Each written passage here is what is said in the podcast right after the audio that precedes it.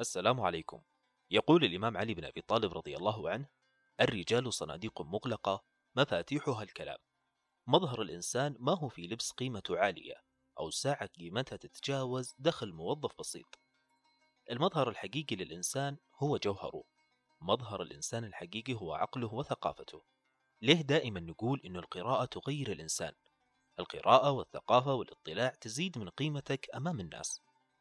اكتساب معلومات جديدة أيضا يزيد من قيمتك أمام الناس. لازم تعرف إن كلامك هو جواز مرورك لقلوب الآخرين. حتى عند الاعتراف بالحب لابد أنه يكون كلامك مهذب ولطيف لدرجة تجعل من تعترف له يعتقد بأنك امرؤ القيس أو مجنون ليلى. حتى عند وجودك في مقابلة وظيفية لازم تعرف إن كلامك هو مفتاح قبولك في هذه الوظيفة. يحكى أن سقراط في أحد المرات لمح أحد طلابه يتبختر في مشيته ويتفاخر بمظهره.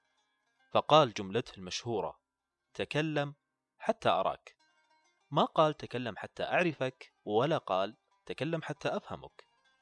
مخزونك اللغوي وثقافتك العالية تجعل الناس تراك وهذا الشيء لا يعني أنه أنت تهمل مظهرك الخارجي ولكن اهتم بمظهرك الداخلي. مخزونك اللغوي وثقافتك العالية قد تنقذك من الموت في بعض الأحيان أو قد تنقذك من مواقف لا تتمناها لعدوك مثل ما حدث مع الشاعر العربي أبو تمام. لما مدح الخليفة المعتصم وقال إقدام عمر في سماحة حاتم في حلم أحنف وذكاء الياسي.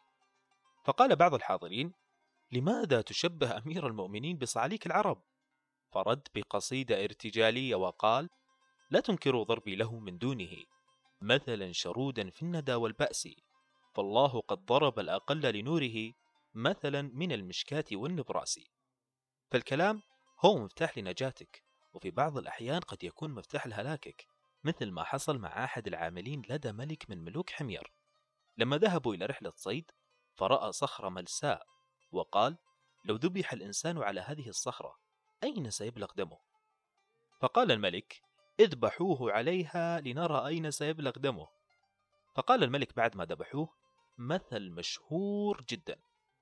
رب كلمة قالت لصاحبها دعني. ومين فينا ما يعرف المثل المشهور؟